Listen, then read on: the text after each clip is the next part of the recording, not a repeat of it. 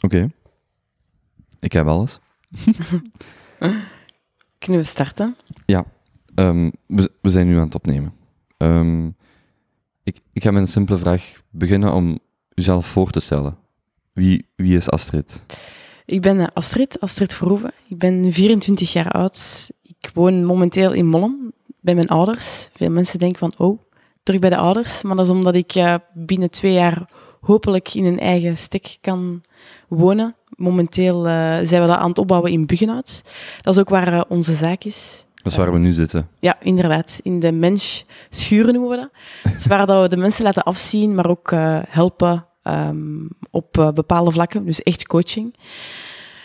Ik ben 24 jaar, zoals ik al zei, en ik ben sinds mijn achtste levensjaar wel echt zot van lopen. In het algemeen gewoon sport. Dat is een, een verslaving, wat ik nu wel mag zeggen. En lopen is daarin echt wel de komende jaren, laatste jaren, enorm veel naar voren gesprongen omdat dat is, iets is dat ik niet kan laten. Dat is iets dat, ehm, ja, dat is een stuk van mezelf.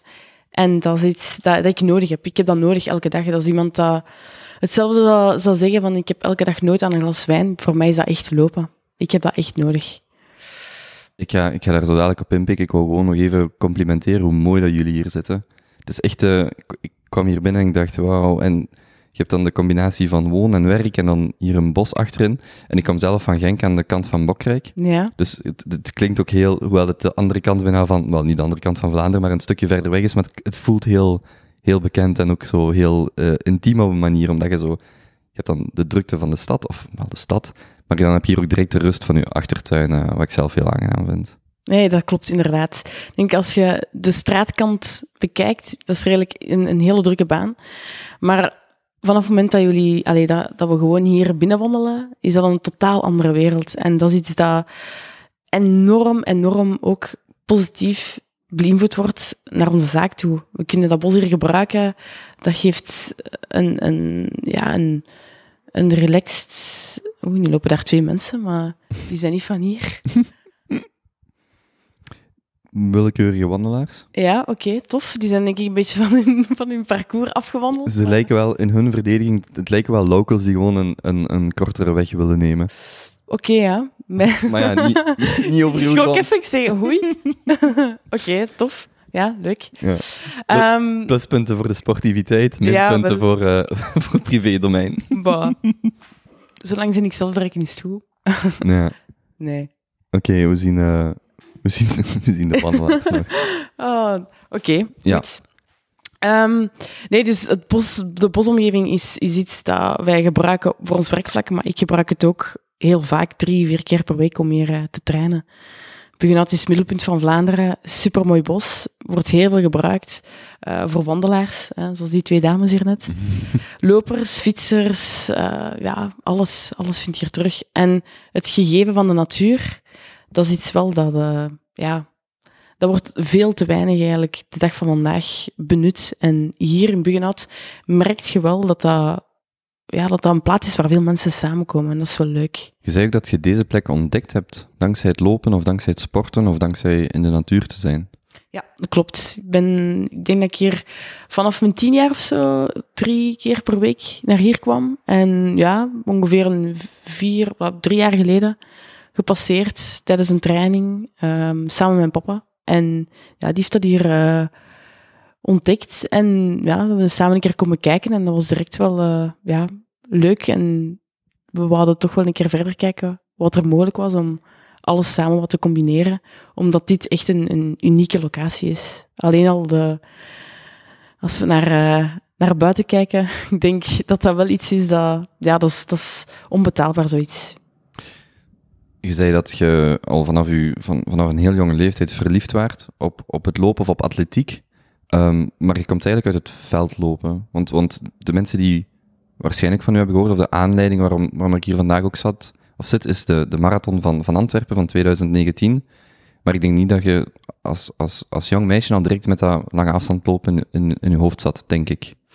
Met lange afstand lopen wel. Ehm, maar dat is een bepaald moment, ja, je lichaam kan, het, kan dat nog niet aan. Dus het is echt progressief opbouwen en wachten tot als je lichaam er echt wel klaar voor is. En Ik ben gestart op mijn zes jaar met atletiek, maar dat is heel algemene ontwikkeling. Hè. Dus alle soorten disciplines, verspringen, spurten, kogelstoten, allemaal dingen die u als, als jongere ja, ontwikkelen, uh, helpen bij de ontwikkeling in, in algemene motorische zaken en, en sport.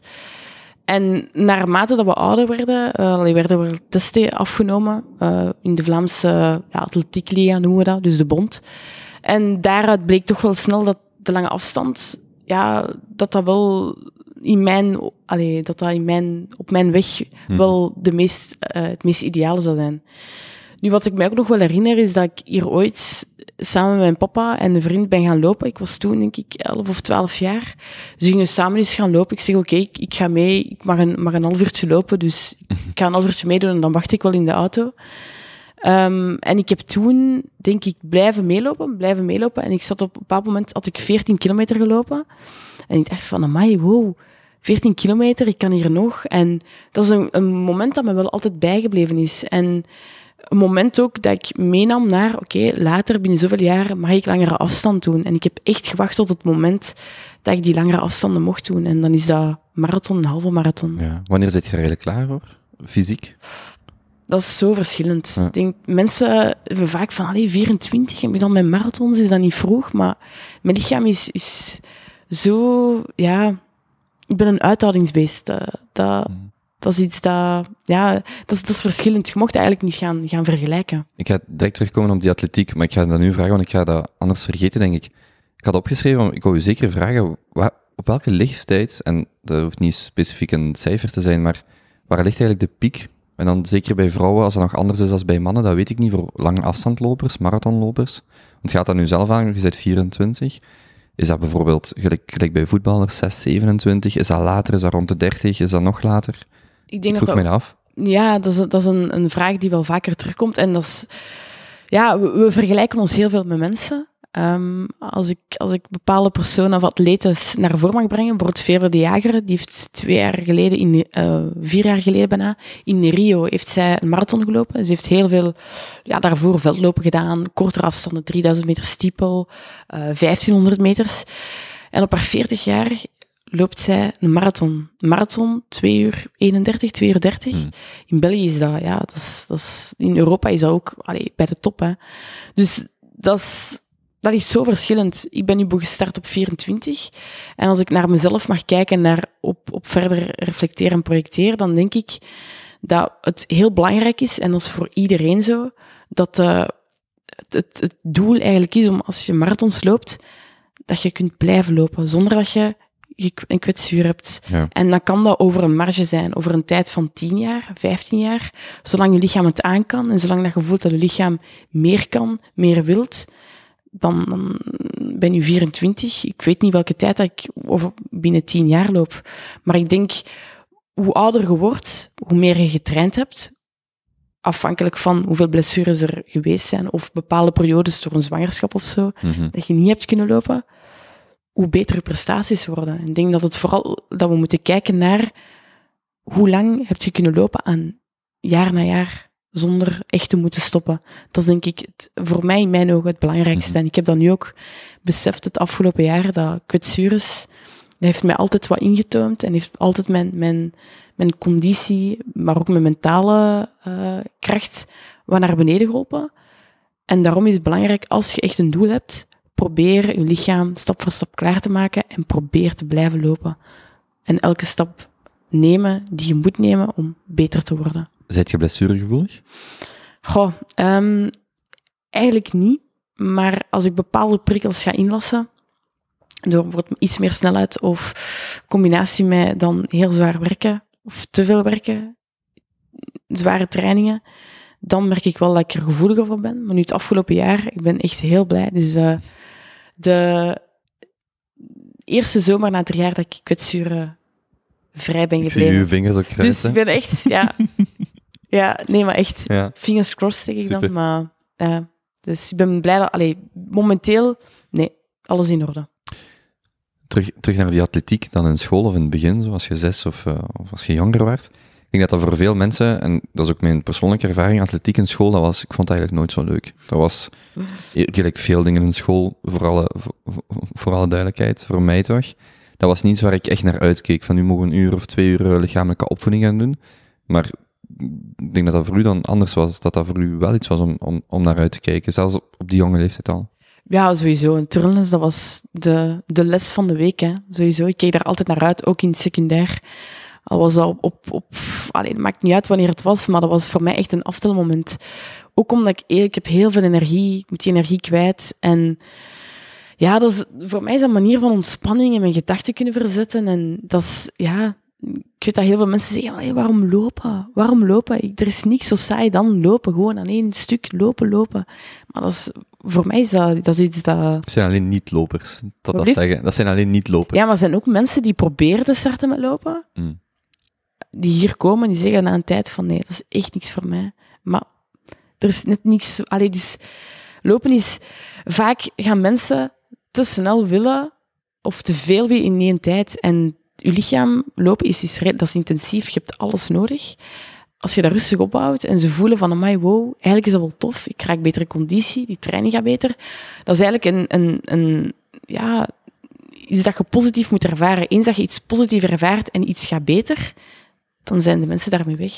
Terwijl ze elke keer als zij iets voelen van, oh nee, het gaat niet of het, het zit niet mee, gaan ze rapper opgeven.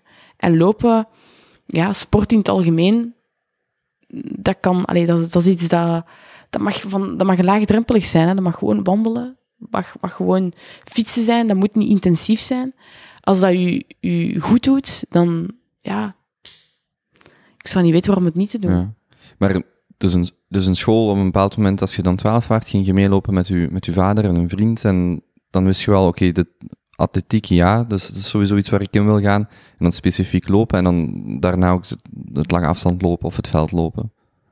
Dat, dat, dat was toen op je twaalfde vrij duidelijk. Veld was vrij duidelijk, dus dan, allee, de afstanden werden in het veldlopen groter. Dus meestal was dat als jongere een kilometer. Elk jaar werd dat wat meer. Kilometer en een half, twee kilometer, drie kilometer, vier kilometer. En ik keek daar echt naar uit. Voor mij was dat zo van, oké, volgend jaar, volgend seizoen, kilometer langer of 500 meter langer.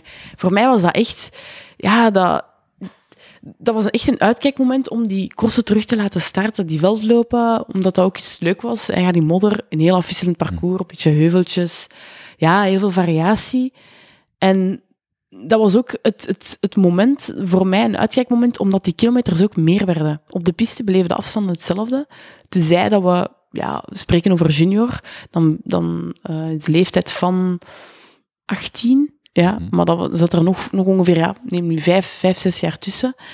Maar op de piste in de zomer werden die afstanden niet langer. Het was enkel in de cross op dat moment. En voor mij was daarom het veldlopen, ja, dat vond ik super om te doen, omdat die afstand net langer werd. Hoe oud werd je toen je competitief begon te lopen? Zes jaar. Ah ja, oké, dus dat was wel Ja, ja, ja, competitief. tuurlijk. Ja, zes jaar. Dus dan, dan was het ook veldlopen, piste, maar meer algemene. Dus dat was eh, het, echt het, effe- allee, het, het moment waar ik dacht van oké, ik wil de competitie, ik wil me echt eh, voor dat lopen smijten, omdat ik daarnaast ook nog andere sporten deed, was op mijn twaalf jaar ehm, of dertien jaar, wo- toen ik voor de eerste keer Belgisch kampioen veldlopen werd. Dat was in het vijfde leerjaar, denk ik, dat ik, dat ik toen zat. Ja. Zit je dan daarna ook naar een sportschool gegaan, in het middelbaar? Nee, nee ik heb eh, eigenlijk van mijn ouders altijd eh, ja, gewoon algemene Mhm. vakken moeten volgen. Dus gewoon ASO. En uw hogere studies daarna? Heb- Dat wist ik in het vierde middelbaar al. Sowieso lichamelijke opvoeding. Ja. Daar was geen twijfel over. Leerkra de- dus dat wat gespe- Want ik ben niet zo bekend met de, de, met de afstuderenvakken, maar je hebt dan bijvoorbeeld, kunt studeren voor leerkracht, maar je hebt dan ook kine, je hebt dan zo heel veel verschillende, of in, in mijn ogen, veel verschillende studiemogelijkheden daarbinnen. Ja, bij mij was eigenlijk vrij duidelijk dat ik, dat ik echt lichamelijke opvoeding wou doen. Puur door het, het aanspreken van, sport, van de sporten. En van leerkracht op zich eh, wou ik niet echt worden. Ik heb, ik heb heel veel stage gedaan, ik heb heel veel les gegeven. Eh, Ik ben eigenlijk vrij snel in de fitnesssector dan terechtgekomen. Via mijn stage dat ik ook binnen die sector moest doen. Um, maar het, het, echt het moment dat ik de beslissing maakte van ik ga sport doen, ik ben daar nooit meer van afgeweken. Ook al deed ik economie, moderne talen, uh, ja, en mijn broers gingen dan verder in boekhouding. En het is een standaard gezin die zegt van oké, okay, die en doet dat, en um, je studeert dat, dus automatisch gaat je boekhouding of fiscaliteit of iets in de handelswetenschappen gaan doen. Maar voor mij, ik, ik, ik zie mezelf niet de hele dag achter de computer zitten of gewoon met cijfers bezig zijn. Nee, dat, dat, is, dat is niet, niet voor mij. Dus daarom, ik had dat in mijn hoofd en ik wou dat dat ook echt wel zo was. Kreeg je dan wel de steun van je ouders om, dat, om die atletiek en dat lopen na te jagen? Atletiek en lopen altijd, ja. Sowieso. Men, ze hebben me daar altijd, altijd in gesteund. Ik ben daar ook dankbaar voor. Ze hebben mij daar uh, echt allee, bij geholpen, stages, sponsors. Hè. op een bepaald moment, allee, je ouders zijn eigenlijk je sponsors die je helpen om... Ja, lopen is eigenlijk niet zo'n duur sport. Hè. Je hebt geen fiets nodig, je hebt geen, geen, geen echt uh, dure materialen nodig. Buiten loopschoenen, wat loopkledij, inschrijvingsgeld en ja, voilà. Dat dat is, en ze hebben mij daar echt wel puur allee, praktisch enorm, enorm, enorm uh, in gesteund. Je zit dan 18 gestudeerd en wanneer komt dan project Mens daarin? Project Mens is nu twee jaar en een half. Uh, dus dat is, uh, ben begonnen, ben zelfstandig geworden op mijn 21 jaar. Ja. En is dat voortgekomen? Nee, 22, sorry. Op je twee, en is dat dan voortgekomen uit het lopen dat mensen bijvoorbeeld naar je toe kwamen en zeggen, of zeiden, hoe doet je dat? Heb je daar, kunt je mij daarbij helpen of, of passen dat anders in elkaar? Dat is er eigenlijk bijgekomen. Het was vooral nog voornamelijk, allee, um, ben nu samen, ik heb dat samen opgestart met mijn vriendin, Lara. Wij zijn nu bijna vier jaar samen. En Lara was daarvoor al zelfstandig, zij is iets ouder. En ja, we stonden al op hetzelfde, dezelfde, op hetzelfde vlak, op dezelfde golflengte van, moeten, kunnen mensen helpen? Allee, er, er is toch iets dat, we zijn, we zijn heel hard bezig met het welzijn van de mens, van hoe mensen zich voelen, hoe kunnen wij helpen, hoe kunnen wij mensen beter maken, ja, en dat is iets waar dat wij op, op hetzelfde, uh, dezelfde lijn stonden. En daaruit is dat eigenlijk ontstaan door onze ambitie en door onze, ja, onze drive om waar we hetzelfde achter staan, is dat er eigenlijk uit ontstaan. Ik zat op dat moment wel in een niet zo uh, goede periode, omdat ik een hele zware operatie had uh, het jaar voordien. Hmm. En ik merkte toen van, mijn evenwicht is volledig weg. Ik, ik, heb hier niks meer, ik kan niet meer trainen. Ik heb, mijn mentale is daardoor achteruit gegaan. Mijn voeding was ook echt totaal niet meer in, in balans. En daaruit is dat ook een stukje gekomen, omdat we het principe van projectmensch, dat is een basisdruk, die uh, hebben we daaruit ook een stukje gehaald. Dat is mentaal, fysiek en voeding. Als dat in balans is, dan voed je als mens goed en veel beter. Maar natuurlijk, al die drie aspecten, die hebben zoveel meer diepgaand en is bij elke mens ja, verschillend. Die, het oprichten van Project Mens kwam ook voor de beslissing om u op de halve of de volledige marathon toe te leggen dus, dus, dus nu, want daar komen we straks op terug, op, op, de, op de marathon die je dan gedaan hebt en ook die van Eindhoven, over een aantal weken. Spannend. Ja. Daar, wil ik eens juist veel over vragen, maar dus uw, waar dat je de laatste jaren voornamelijk mee bezig bent geweest zijn, is dan uw eigen lopen uiteraard en uw eigen doelen, maar het uitbouwen van projectmens. En dan wil ik daar nog, daar nog over vragen, wie zijn dan zo typische mensen die jullie begeleiden? Want ik zag op jullie website en op uw Instagram dan de foto's van kinderen, dan foto's van volwassenen, dan trainingsschema's of, of, of begeleidingsschema's. Mm is een, een beetje van alles, maar, maar hoe, hoe zou jij dat beschrijven? Wel, we hebben het daar eigenlijk gisteren nog over gehad en het is eigenlijk... We zijn dan jij en Lara. Ja, Lara en ik. Ja. Lara en ik. En ja, we zijn enorm gegroeid. Eerst was het vooral mensen die wilden afvallen. Dat is het algemeen dat we heel veel zien. Mensen die willen afvallen. Maar we zien ook als mensen die willen afvallen, dat ze mentaal ook een klik moeten maken. En stelselmatig, na twee jaar en een half, zien wij dat wij op heel veel vlakken coachen. We coachen mensen die naar hier komen om assertiever te worden, meer zelfvertrouwen. Zo is er een meisje, zijn er twee meisjes geweest, die niet door hun politietesten geraakten, puur door de psychologische testen, assertiviteit. Uh, dus dat ze niet echt, ja, ze, waren daar, ze kregen daarvoor een onvoldoende. Fysiek allemaal in orde. We hebben hen daarbij geholpen. Dus vooral mentaal coachen wij, fysiek coachen wij, ook op voeding. En dat, zijn, dat is van de leeftijd van 18 tot zo 60, de oudste. En daarbuiten geven we nu ook kampen, basketbalkampen, waar we jongeren willen uh, gaan helpen. Jongeren gaan helpen op de drie vlakken, opnieuw, om die ja, preventief te gaan helpen. Oké, wat is gezonde beweging, wat is goede beweging? Hoe kunnen wij helpen in hun, in hun emoties, ja, op het mentale vlak dan? Alles heel aangepast aan generatie per generatie. En dat is iets wat we wel, we willen heel breed gaan, maar we behouden wel ons, ons, onze, ja, hoe zeggen, onze driehoek. Mhm. Dat, is, dat is wel belangrijk. Vandaar vertrekken we altijd. Want, want het is niet zo... Jij bent natuurlijk competitief. Hypercompetitief zou ik zeggen, maar ik weet niet of je van dat... van dat Ja. allee, wel in- op dat vlak Ik ben dan. heel ja, Ja. ja, mocht het zo wel omschrijven. Lara zegt het altijd, ah, je bent veel te competitief, je kan me niet sporten, dat gaat niet. Daar kan, Maar ik iets- omgekeerd ook niet. dus, daar kan ik me iets bij voorstellen. Ehm, dat, is, dat doet mij denken, mijn ouders hebben een whippet, dat zijn zo die kleine windhonden, dus die gigantisch hard lopen. En dan zei mijn moeder een bepaald keer eh, van, pak hem eens mee om te gaan lopen. Ik zeg, daar heb je echt geen plezier aan, want voor dat, dat beest kijkt naar u, die hond kijkt naar u van, allee, waar zit jij? En jij ligt daar gewoon te hijgen, want die is gewoon gemaakt om te lopen. En, eh, en, en dat is voor mij niet zo. Dus kan, kan, demotiverend zegt. ja, Of- ja, ja, ja, want dat is zo... Ja, dat is gelijk je langs, la- met uw fiets langs een auto moet gaan en je doet dan een reis en je weet het ene is gewoon veel beter gemaakt voor wat we hier proberen te doen dan het ander. En ik zit op het ander en dat is niet, dat is niet zo aangenaam. Dus ik kan me, kan me daar wel iets bij voorstellen. Of je moet het dan anders oplossen. Iemand moet dan de fiets meepakken terwijl het andere loopt of wat dan ook. Maar wat ik eigenlijk wil vragen is... Uw, ik neem aan dat uw eigen sportprestaties dan heel competitief zijn. Maar dat is niet zo, dat, komt, dat hoeft niet per se een projectmanager terug te komen. Het is niet dat, want dat was misschien eerst mijn idee, dat het vooral topsporters zijn die bij u aankomen. E- Eigenlijk, eigenlijk is, dat niet, is, is dat niet voornamelijk zo. Die kunnen bij u terechtkomen, maar dat is, dat is niet een voornaamste doelgroep. Nee, eigenlijk niet. Ik ben iemand dat... Allee, we zien dat zelf ook terug. Topsporters die bij ons komen, of echt puur sporters, ik denk dat dat 20% is van momenteel het aantal projecten, aantal mensen die we begeleiden. Dus vooral heel recreatief.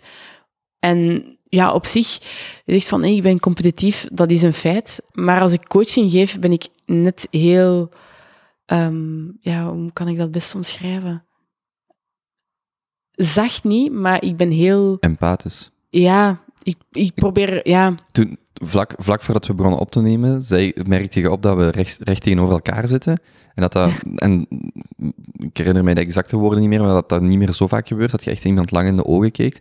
En ik dacht, wat ik toen dacht is, eh, je hebt al een bepaalde mate van empathie nodig om dat op te merken. Of om, of om, dus misschien, dat was het woord waar, waar ik aan moet denken, moest denken als je dat zei. ja. Dus dat competitieve kan dan wel makkelijk achterwege blijven. Voor mezelf ben ik hard. Ik leg mijn lat heel hoog. Dat, dat is soms een beetje te.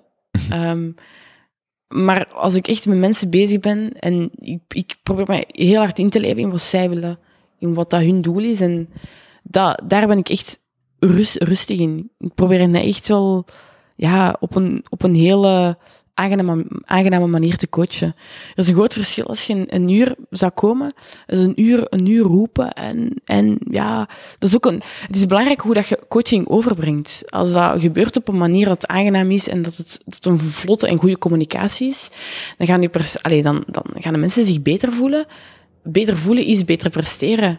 Terwijl als het omgekeerde effect is en je hebt er... Allee, ja, dat, dat, dat is belangrijk, de manier waarop er coaching gegeven wordt. En ik ben heel rustig. Lara daarentegen, die kan er soms wat... Ja, die, die, kan wel, die kan wel stevig doorgaan, dat mag ik toch wel zeggen. Hoe word jij het liefst zelf gecoacht? hoe ik zelf gecoacht Ja. word. Dat is veranderd. Vroeger had ik wel iemand die... Was belangrijk voor mij dat die echt naast mij stond en dat die me hielp en dat die... Ja, waar dat ik... Waar dat ik ehm, een soort als, als vriend, een soulmate. Dat was voor mij belangrijk in de coach, waar ik naar ook kon opkijken. ehm, die mij... Ja... Dat ik, dat gewoon een, een hele goede... Dat die dicht bij mij stond. Nu, ik heb afgelopen jaren niet altijd goede ervaringen gehad met coaches. Ik heb daardoor, ik heb de afgelopen jaren wel heel veel liggen zoeken. Ik ben drie keer veranderd van coach, omdat voor mij het menselijke aspect door, allee, het belangrijkste is. En ik heb momenteel een coach, die doet dat super. Ik ben daar heel, heel tevreden op. Ik ben eh, bijna een jaar bij hem nu. En hij houdt zich op afstand, maar op het moment dat hij er moet zijn, is hij daar. Als ik hem nodig heb, is hij daar. En dat is voor mij voldoende. Ik ben volwassen geworden in het feit van, ik heb heel veel geleerd, ook fysiek, wat ik kan, wat mijn lichaam kan. En ik heb niemand meer nodig die zegt van, nu zo, zo, zo en zo. Hij geeft me trainingsschema's. Hij past aan wanneer het nodig is. En hij komt er wanneer het nodig is. Hij is er wanneer het nodig is. En dat is voor mij het belangrijkste. Hoe is het om die zaak met uw partner te runnen? um, goh. Met momenten, ik, ik, allee, als, ik, als ik daar nu echt over nadenk, dat is heel mooi. Ik vind, ik vind dat, dat, is, dat is fantastisch om te doen. Sowieso, ik denk dat het alleen, eh, als we dat alleen zouden doen, apart, dat dat, ja, dat is iets, ik beschouw dat als momenteel dat dat ons, ons kind is en dat wij dat gewoon laten groeien, bloeien in ons, onze, ja, onze, onze kracht om, om uh, waar dat wij gewoon ja, op waar dat op dezelfde lijn staan. We willen dat dat, dat iets beter wordt. Natuurlijk, alles heeft zijn voor- en zijn nadelen. Hè. Om een zaak met haar te hebben, en hij met mij, daar zijn discussies. Daar zijn moeilijke momenten, maar er zijn ook momenten die, ja, die, die onvergetelijk zijn. We delen heel veel. Van een zaak tot een relatie, tot een hond, tot binnenkort een huis, tot alles gemeenschappelijk. En dat is iets heel intensief. Zowel het, het, het, het, het, het mooi beleven van dingen als het slecht ervaren van dingen. En het feit dat wij heel verschillend zijn, lukt dat eigenlijk vrij, heel, vrij goed. Ik vind dat het zelfs heel goed draait. Is het makkelijker om, om haar dan, partner in het algemeen, maar haar dan, als, als Hmm. Ik moet eigenlijk beter nadenken denken over mijn vraag. De vraag, of wat, wat ik in mijn hoofd had, is: je hebt een zaak die je met je partner kunt hebben, of uit, uitbaten, gelijk dat jullie doen.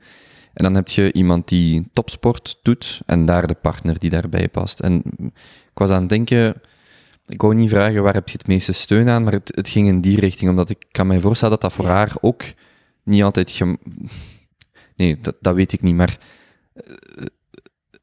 ik begrijp, ik begrijp waar je naartoe wilt. Ja, er zit daar zo ergens iets waar, waar dat het, wat ik in mijn hoofd had, is er, er is daar precies geen uitknop, maar dat is het ook niet exact. Wat ik, wat ik bedoel is, het is bijna 24 op 7 dat het ook, dat het alles wat bij het bedrijf komt kijken, wat veel werk is, en ook nog eens alles wat erbij komt kijken om met een topsporter samen te zijn, of die topsporter zelf te zijn, dat dat wel intens is. Ik, ik, ik weet niet dus echt waar ik, waar ik bedoel. Ik, ik, begrijp wat je bedoelt.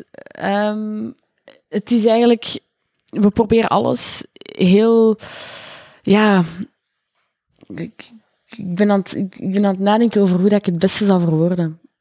Ik denk dat Lara, het feit dat wij heel verschillend zijn, zorgt er net voor dat, we, dat het wel lukt om zij heeft haar dingen waar zij haar energie uit haalt. Ik heb mijn dingen met topsport dan. Dat is niet gemakkelijk. Ik kan een voorbeeld geven van zoals vandaag. Ik heb, een, ik heb een, deze morgen een, een redelijk intensieve training gedaan. Maar ik merk dan nadien, oké, ik moet even een half uur in mijn bed gaan liggen, want ik moet straks ook nog coaching geven. Er zijn ook bepaalde dingen dat ik moet afwerken voor morgen, voor mensen die, die daarachter gevraagd hebben. En ik merk dan dat ik nu zeker, die laatste weken richting de marathon, voel ik dat ik, ik, ik moet mijn energieniveau gaan verdelen. En dat is niet altijd even gemakkelijk, omdat dat emotioneel moeilijk is. Je moet keuzes maken. Uh, Lara die geeft mij heel veel kansen. Die heeft ook vandaag gezegd van kijk, ik, de boekhouding die moet vandaag ook, alleen moet deze week ook moet in orde geraakt worden. Ik ben zelf moe, vermoeid. En daarom is er soms wel een lichte spanning op, op, op zo'n vlakke dan. Als koppel komen we daar wel sterker uit, maar op momenten is dat, is dat, is dat wel... Allee, dat, is, dat is niet altijd even gemakkelijk, omdat het is precies van... Ik sta op, ik doe een stuk voor Project Mensch, ik ga precies in mijn leven van, van topsporter, ik kom er terug uit, ik ga werken, ik rust, ik slaap en opnieuw. Zo van hier naar daar. Zij heeft dat eigenlijk ook, omdat zij is redelijk niet chaotisch, maar zij kan heel veel doen op één dag. waar het bij mij eigenlijk is van, oké, wat heb je nu exact gedaan? En wat zijn die plannen morgen? Dus ik kan zeggen, morgen doen we dat dan, hè? maar dat kan iets totaal anders zijn dan dag dat, zelf. Hè? Dus we voelen, voelen elkaar daar wel, wel goed in aan. Maar de rush en het, het stressgegeven is voor ons eigenlijk het moeilijkste. Dat zorgt ervoor dat wij, dat wij vaak wel wat spanningen hebben. En we beseffen het wel. Ik ben nu een week naar Portugal geweest op trainingsstage. Ik ben heel vermoeid teruggekomen. Eigenlijk is dat niet zo goed, maar ik geef het toe.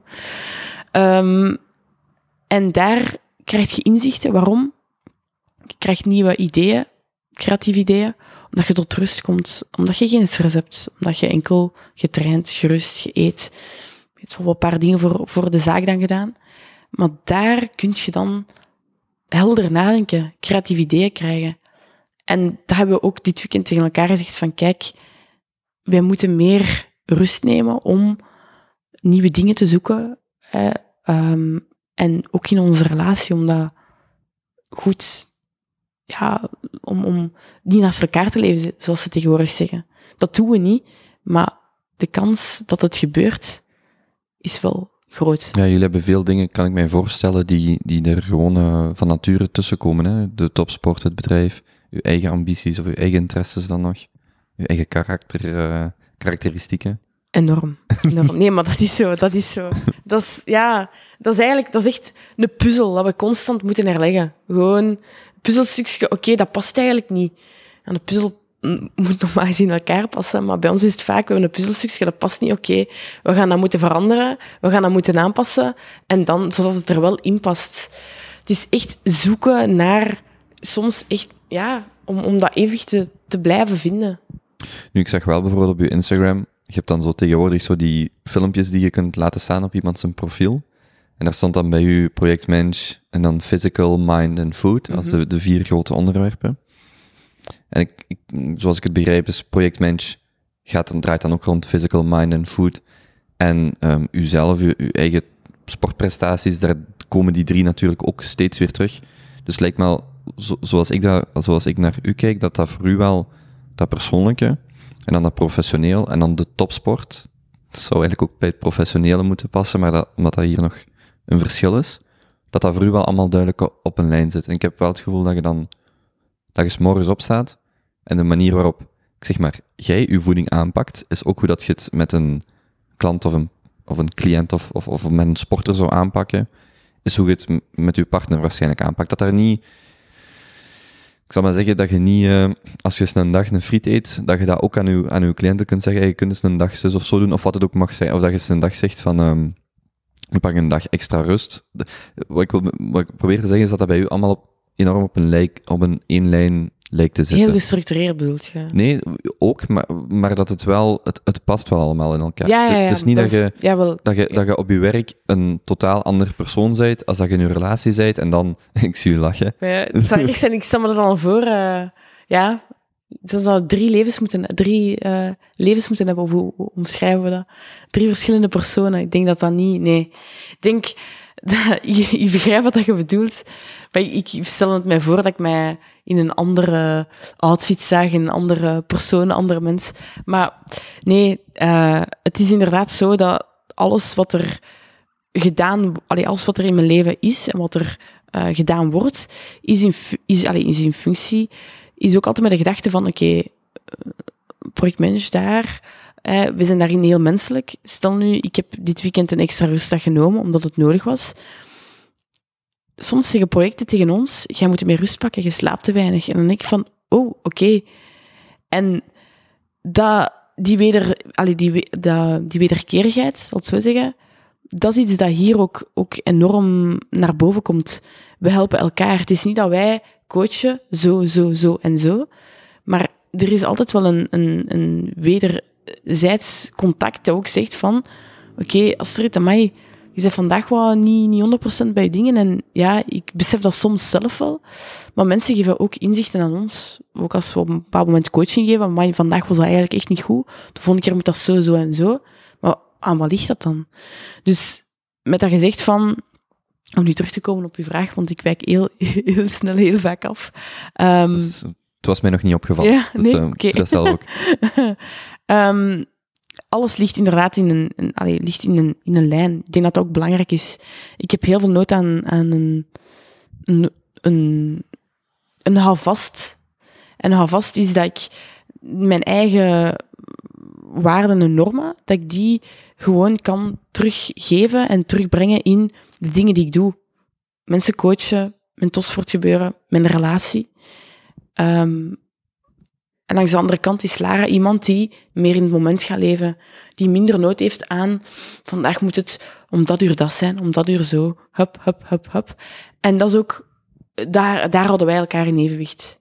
En dat is, dat is, ja, dat is net zo mooi aan, aan hoe wij verschillend coachen. Daarvoor komen mensen ook naar hier. Wij zijn zo verschillend, maar toch past het. En dat, dat is, ja, dat houdt mij ook een stukje als topsporter in balans, omdat zij mijn lat...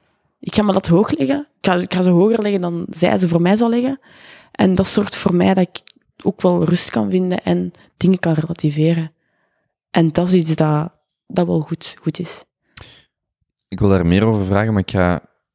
Ik wil nu heel concreet over die marathon spreken, want ik denk dat ik dan ondertussen wat meer inzicht ga krijgen in, in, in hoe dat, dan concreet werkt bij u of, of, of bij jullie. Um, misschien dit nog eerst vragen. Wanneer wist je, ik ben topsporter? Is dat, ik weet zelfs niet of dat een nuttige vraag is, omdat ik het zelf jawel, jawel, niet ben, maar, maar was dat een... Um, ik ben topsporter. Ik vind van mezelf, hè, we plakken vaak het plaatje op, topsporter is alleen maar trainen, rusten, slapen en eten, niet werken. Maar jammer genoeg, allee, jammer genoeg. Ik bedoel, ik ben heel blij wat ik doe. Ik ben iets opgestart. Uh, ik, ben afgestudeerd. Nee, ik ben eerst afgestudeerd. Ik ben direct meteen beginnen werken. Ik was op dat moment, vond ik van mezelf, in mijn studentenperiode, ik ben topsporter. Ik kan eigenlijk mijn studies perfect combineren met op stage gaan, trainen, slapen, eten. Eigenlijk was op dat moment 80% voor mij lopen, 20% school. Nu, de komende jaren, afgelopen jaren, is dat een klein beetje meer uh, werken geweest, omdat je een zaak opstart. Je moet daar heel hard in werken. Ik ben misschien een beetje van dat topsport gebeuren. Ja, ik, ik vind dat een moeilijke vraag. Ik vind van mezelf dat ik een topsporter ben, zeker en vast, omdat ik er heel veel voor doe. Ik zit er heel veel energie in. Maar laat me niet fulltime topsporter zijn, want dat zou ik niet kunnen. Hmm. Projectmanager is iets dat energie geeft, energie vraagt. Maar ik heb die afleiding nodig om iets anders ook nog te kunnen doen. Ik kan niet... Mijn vorige coach zei, uh, een topsporter moet een saai leven hebben. Die moet uh, slapen, trainen, eten, rusten. Niks, niks anders. Ik zal dat niet. Ik kan dat niet. Dat gaat niet. Ik heb sociaal contact nodig. Ik heb, mm, ja, ik heb ook wel mijn rust nodig. Ik, allee, het is, denk ik, voor iedereen anders. En voor mezelf vind ik dat ik dat wel gevonden heb. Dus daar ben ik blij om. Wel. Wanneer beslis je om de marathon van Antwerpen te lopen? Ik heb dat samen met mijn coach beslist eind januari. Midden hmm. januari, 18 januari. denk 18 januari 2019 denk ik dat was. Ik ben heel veel met cijfers en met data. Ja, dat is goed, want dat is uh, bijna exact vier... Wacht, de marathon was op 28 april? Ja, 28 april. 28 april. Ja. Maar hoe, was u, hoe ver stond je dan in uw voorbereiding voor die marathon? Wel, ik ben... Ik weet dat ik december ben ik nog licht gekwetst geweest, want ik heb toen twee wedstrijden, veldloopwedstrijden, niet, niet kunnen lopen. Maar daarna heb ik wel onderhouden en heb ik wel training gedaan, maar niet puur marathon specifiek. En in eind januari, allee, ik denk dat ik het weekend nadien of zo, maakt niet uit, pakt ongeveer rond 20 januari, zijn we effectief gestart met die marathontrainingen. En ik was heel blij dat er op dat moment iemand tegen mij zei van kijk, je moet marathon lopen. Loop gewoon marathon. Gewoon voor de fun. We gaan Antwerpen doen. Dat is leuk. Dus een keer proeven. Een keer kijken hoe dat die trainingsopbouw is. Amuseer je daar. We gaan dat gewoon doen. We gaan niet twijfelen. We doen dat gewoon. Daarvoor loopt een keer een halve marathon om eens te zien wat dat geeft. Ik heb daar nooit over nagedacht. Ik heb, dat is eigenlijk hetzelfde als projectmens.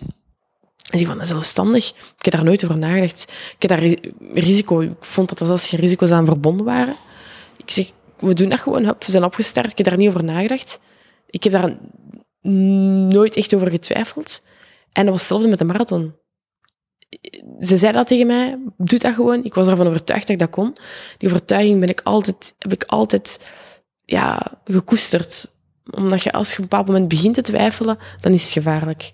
Maar nee, altijd terugkomen aan dat gevoel van, we gaan die lopen, we gaan fun maken, dat is het hoofddoel.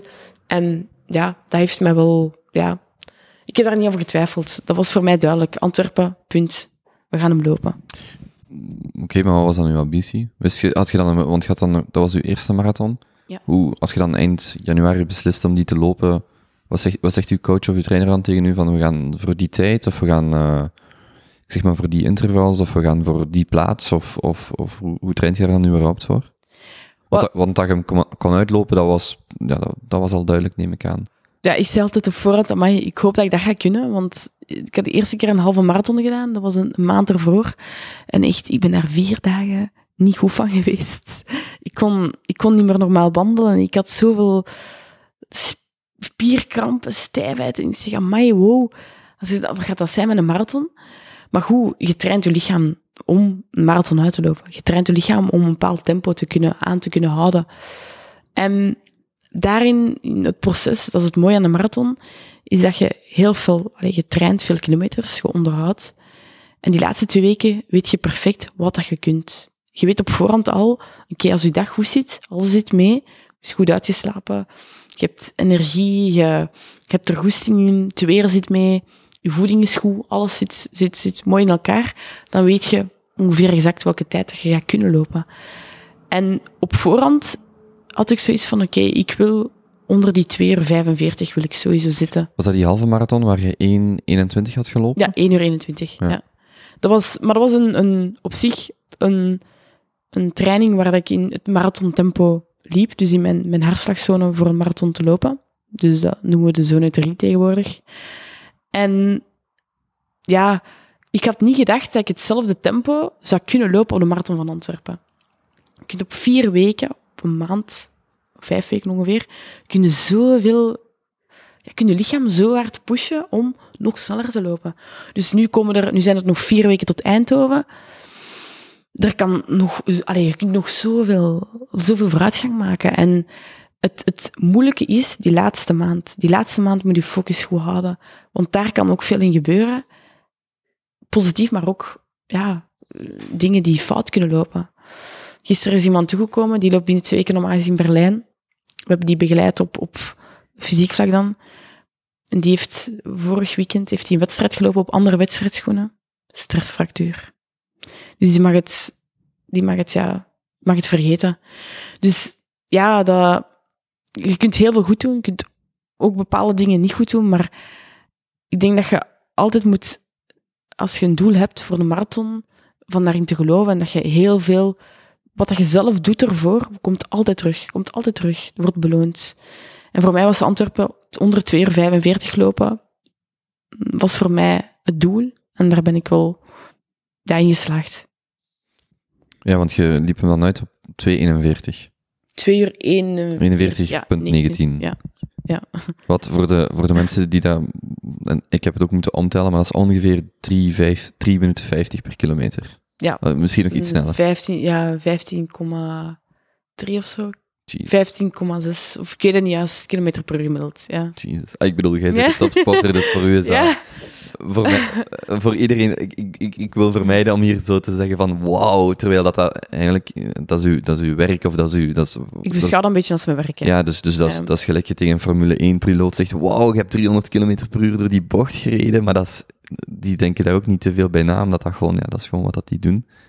Wat niet wegneemt dat het neem ik aan voor uw eerste marathon dat je er wel heel, heel tevreden mee waart. Natuurlijk, sowieso. En ook omdat alles zo... Ja, was...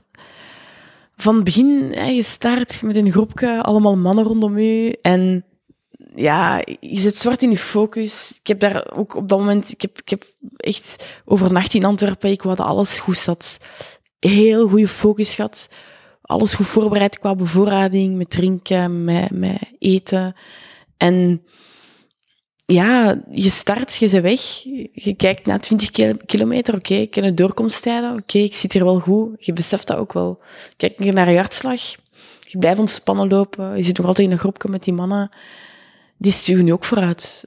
En waar ik ook heel fel aan gewerkt heb, is, het visuali- visualiseren van hoe gaat dat zijn als ik straks aankom? Hoe gaat het ook zijn als ik straks ga afzien? Wat moet ik doen? Wat kan mij helpen? En dat is ook een, een continu proces dat je doormaakt tijdens dat je aan het lopen bent. Aan die snelheid, oké, op dat moment, dat is vlot, dat is vlot. Maar ik weet niet hoe dat je het zelf ervaren hebt, maar na zoveel kilometer... Als je, Aan het rivieren of was het toch heel moeilijk? wat blieft? Aan het rivieren hop, Ja, zo na 35 Ja. of zo. 35 was, was stevig, want je hebt dan zo een paar keer een korte draai moeten nemen. Mhm. Een keer een berg op. Ja, dat en dat stukje... ja, Ja. Daar in dat park zo, dat, ja, dat was, eh, dat was voor mij heel, dat was, was stevig. Ik denk dat iedereen dat wel zo ervaren heeft. Het begint dan ook wat te regenen. Ehm, maar het visualiseren van iets dat, dat je denkt van, oké, dat gaat je minder doen twijfelen. En dat studie, ja, je hebt al 35 kilometer afgelegd. Op dat moment denk je van, doe maar, oké, nog zeven. Eigenlijk is dat niks. Maar een zeven op dat moment lijkt veel. Lijkt echt veel. Dus Ja, en ik dacht, ik dacht op voorhand ook altijd dat mensen zeiden Antwerpen is een vlakke marathon.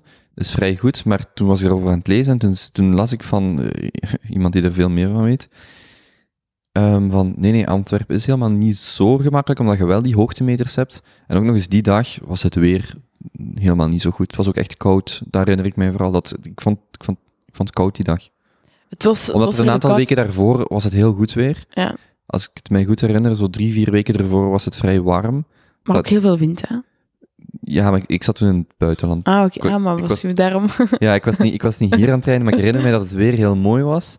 En dat ik mij had gekleed eigenlijk op dat weer, of dat, dat, dat ik dat in mijn hoofd Ja. had. En dan de dag zelf van, ja, maar wacht eens, het is, het is heel, eigenlijk het was 8 of 9 graden, denk ik. Ik, herinner Voor de start, ja. Ja, op Ja. de start, ja. om, om Net negen geregend wel. Ja. Dus veel, veel zuurstof in de lucht. Ja. Het was wel aangenaam loopweer, maar het was koud. Ik herinner me dat het koud was. Het was wel- ja, want ik weet nog dat ik mijn armverwarmers aan, aan Ja. gehouden heb. Ehm, maar ja, ik denk, denk dat dat, ehm, dat dat vaak iets is. Wij koppelen heel veel naar de omgeving van, oh, het, is, het was geen goed weer, het was niet dit, het was niet dat, het was zo, het was zo. Daarom was mijn prestatie dit. Wat dat Kenianen heel goed kunnen, is echt die knop op, omschakelen, om, omklikken en zeggen van, oké, het is zo, ik draai gewoon verder. Maar wij, allee, ik ervaar dat toch van vroeger. Bij mij is dat nu wel wat beter. Ik weet niet hoe de andere mensen dat ervaren, maar wij blijven heel veel hangen in het verleden. Of we blijven heel veel hangen in, oh, dat was toen zo en zo en zo en, oh, en de volgende keer dit en dat. Nee, nee, het was goed. Het was goed daarom, daarom, daarom. Ook al waren er maar twee punten goed en vier, vijf minder goed. Hou vast aan die twee goede punten. Antwerpen, ik, ik weet nog niet genoeg van marathonparcours en ehm, die dingen. Maar Antwerpen was, allee, als ik het van mijn coach mag, ook, mag, geloven, het is geen snel parcours. Waarom? Je moet ook veel draaien, keren. Eh, het zijn geen echte lange stukken. Eh allee, lange stukken waren er wel bij, maar het, het, in combinatie met het kort draaien, met eens een bergopje, eh, met een tunnel die er ook wel een keer bij zat, ja, dan... Er is, het is bespreekbaar, maar ik vind... Ik ga nu Eindhoven lopen. Ik denk dat ik dan wel een, een, een keer een, een vergelijking kan maken. Maar voor mij was Antwerpen gewoon fun. hè. Dat was ook, ook een van mijn doelen. hè. Dat was, was amuseren. was Hm. echt zo'n keer proeven van wat is het. En dat is wel, echt geslaagd. Ik weet niet hoe dat jij dat ervaren hebt. Ja, maar ik wil, Want was dat ook je eerste marathon of niet? ja, maar ik, ben, ik wil heel voorzichtig zijn, omdat ik wil vermijden dat ik hier meespreek alsof, terwijl, dat, terwijl dat we over heel andere dingen spreken. De marathon die ik liep was voor mij heel anders als die voor u, omdat het voor omdat, dus wat ik wil vermijden is, als, ik, als je met iemand spreekt dat absoluut dat top is in wat dat die doen, dan is het heel verleidelijk om mee te spreken en te zeggen, ah ja, ja, dat was voor mij ook zo, terwijl je gewoon op twee verschillende planeten bezig bent.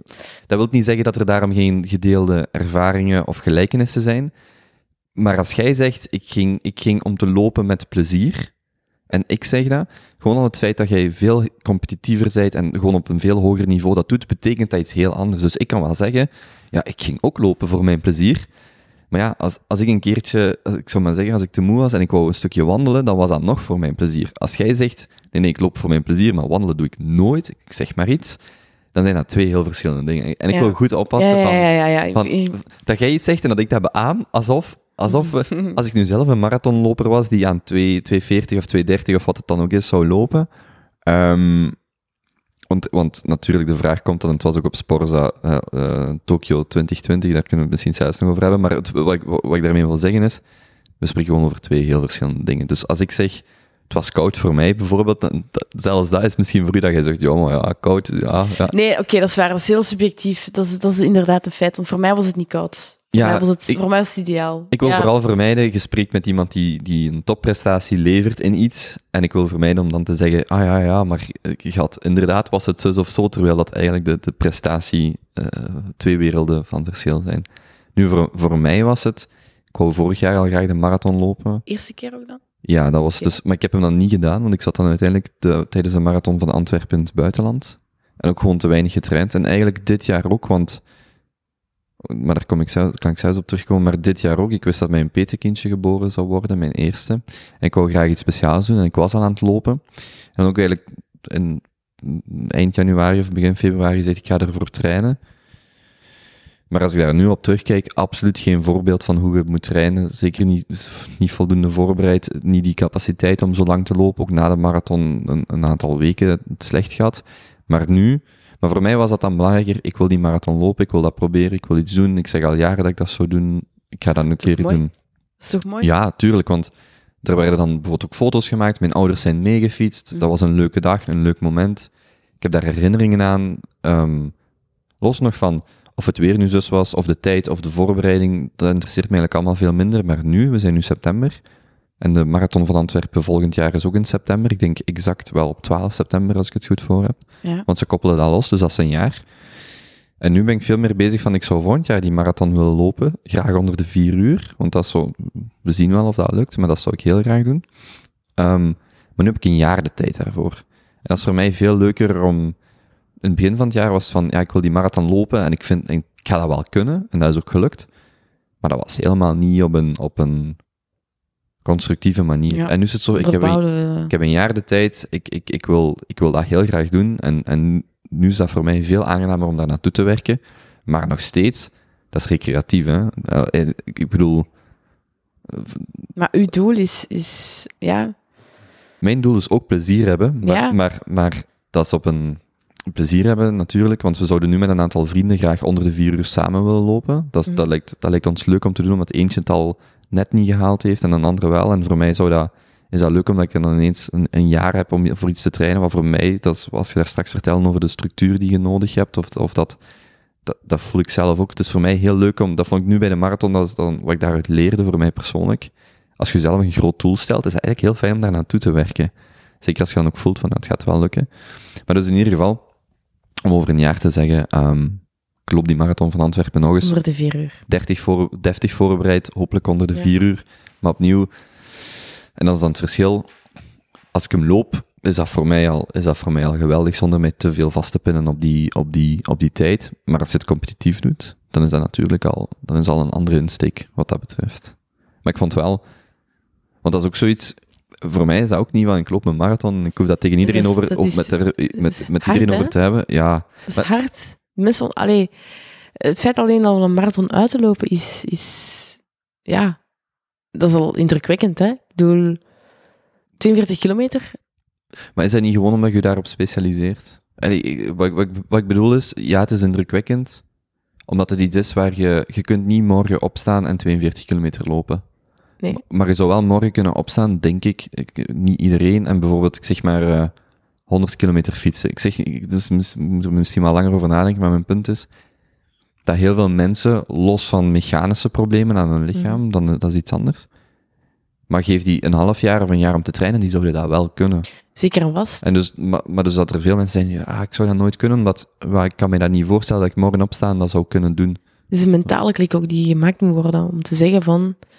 Allee, in marathon zijn er... als je kijkt naar vier uur, vier uur, aan wat denk je allemaal?